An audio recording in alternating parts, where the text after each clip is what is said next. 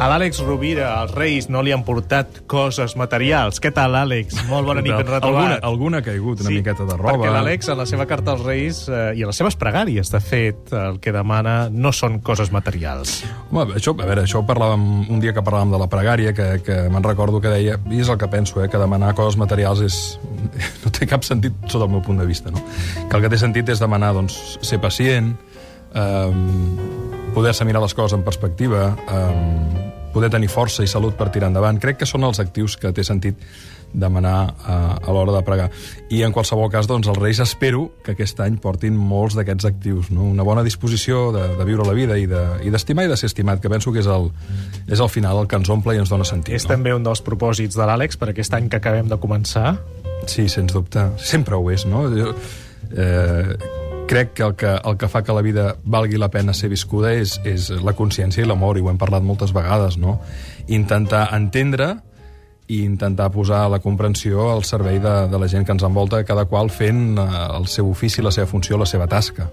I, per tant, tot el que demanem en els Reis, no?, o, o a la pregària, que vagi en línia de poder-nos fer créixer com a persones, però sobretot per posar-ho al servei de la gent que ens envolta. L'Àlex es pregunta per què ser budistes quan podem ser Buda? Això, això, I pot això ser vaig una provocació. Sí, això vaig en una conferència i he portat cua. Vaig dir, per què ser budista si podem ser Buda? Per què ser cristians si podem ser Crist? Però no ho vaig fer amb la intenció de fer mal a ningú ni de provocar, perquè jo sóc catòlic, no, soc, eh, no, no practico, però, però tinc un gran respecte, un profund respecte a la figura de Crist, a la figura de Buda, a la figura dels grans mestres espirituals, i especialment la figura de Crist. No? Penso que de vegades penso que l'Església està malalta i que la solució està en el propi Evangeli. Que hem construït una església d'homes i no l'Església de, del, del, de la consciència crística. No? Um, clar, els istes i els ismes tenen el perill de que tendeixen a anul·lar la capacitat de la persona de qüestionar-ho tot, la llibertat. Fa un mes parlàvem de Krishnamurti, d'aquest home lúcid i savi que en un moment determinat va fer una botifarra de pagès en els seus seguidors que el, que el pretenien entronar com el nou Masies, com la nova encarnació de la consciència crística, va dir, no senyors, escoltin, que cada qual faci el seu camí, que busquen el seu interior, eh, que no deixi de qüestionar res, fins i tot en aquells que, que es presenten com mestres. Jo no crec en les relacions asimètriques, no crec en els que es presenten com gurus i que es presenten com a, com a mestres espirituals. No hi crec. L'experiència m'ha demostrat que molts d'ells són persones amb una dosi de narcisisme molt alta.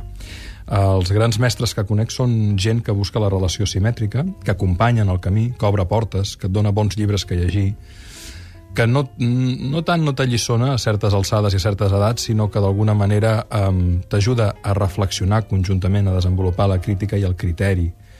I després, sobretot, són gent que predica amb l'exemple, no? És a dir, que hi ha una, una coherència amb el que diuen i amb el que fan, més enllà de que el seu discurs de paraules pugui, pugui estar molt bé, pugui ser molt útil i pugui ser molt reconfortant. En aquest sentit, deia, per què ser budista si podem ser Buda, no? Um, amb el sentit de que penso que si un vol fer un camí, un camí espiritual, aquest camí bàsicament el trobarà en la praxi de lo quotidià.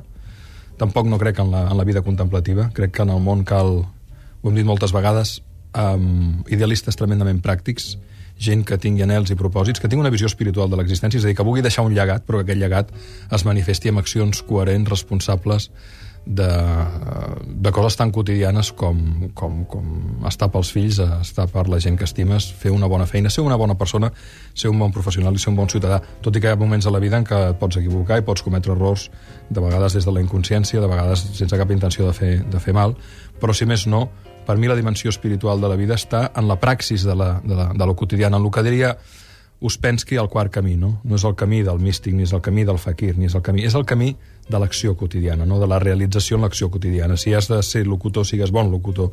Si has de ser periodista, sigues bon periodista. Si has de ser conferenciant, sigues bon conferenciant. Si has de ser bon metge, sigues el millor metge que puguis ser. I això és l'espiritualitat. No? I per tant, quan fas això, quan et dones completament, és quan connectes amb el Buda interior, eh, amb, amb la consciència crística, que és la consciència del lliurament, del sacrifici, de donar el millor de tu, eh, de l'amor incondicional, però no des d'aquest punt de vista sentimentalista, sinó des del punt de vista de voler que la gent que t'envolta estigui millor, creixi, sigui ella mateixa, pugui esdevenir qui està cridada a ser.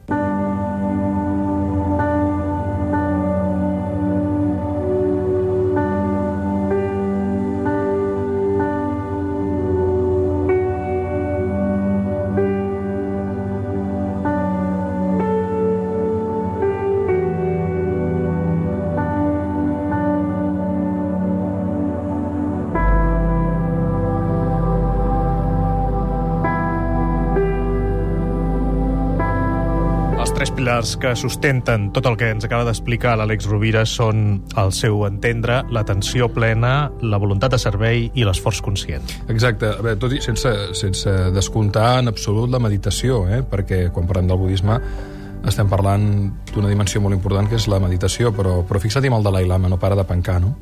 Sí. sí, i de ser, malalt, com i de està? ser, i de ser Està tremendament malalt? diplomàtic. No, jo crec en aquesta mena d'espiritualitat, no? Eh, més que en, en qualsevol altra, no? Allò de a Dios rogando pero con el mazo dando, no? Um, en aquest sentit penso que, que hi ha moltes maneres de meditar. Una d'elles és l'atenció plena. Pro- Probablement és la forma de meditació més potent que hi ha. Evidentment depèn de la- de l'estructura de personalitat de cadascun, però mirar d'estar atents en cada moment amb tot el que fem, a dins i a fora, la pràctica de l'atenció plena que hem abordat moltes vegades, és una manera de meditar. L'altra és l'esforç conscient o el sobreesforç conscient, és a dir, aprofitar les situacions difícils que ens presenten a la vida com un camí per obrir els ulls, per lliurar-nos a elles i per donar el millor que podem donar de nosaltres mateixos, perquè això és el que ens fa créixer, ho hem dit moltes vegades. Vols aprendre a estimar?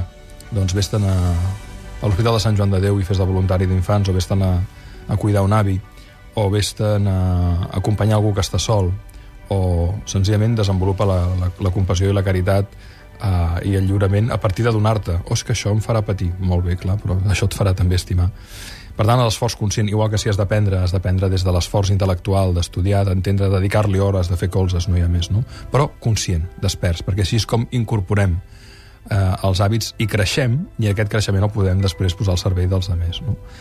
Eh, I sobretot la voluntat de servir, que seria l'últim, no? Penso que el que el que moltes vegades ens dona sentit a la vida, com diu en Francesc Miralles, gran amic i mestre, diu que la felicitat consisteix en fer feliços els demés, no? És la seva frase favorita, probablement. I jo no estic molt d'acord, no? I a més te n'adones que quan eh, fas una feina en la qual veus que la gent que t'envolta doncs, en treu un profit, eh, se sent, se sent alegre, aprèn, eh, doncs, eh, quan et lliures, quan et dones, quan serveixes, a qualsevol nivell, perquè fins i tot liderar és servir, i aquí hi ha moltes vegades un, un error d'interpretació per part dels líders, de vegades, no?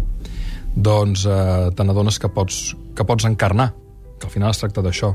De res no serveix una espiritualitat etèria si no es tradueix en una acció coherent que provoca bellesa, benestar, consciència, pau, eh, justícia social. D'això es tracta fonamental- fonamentalment.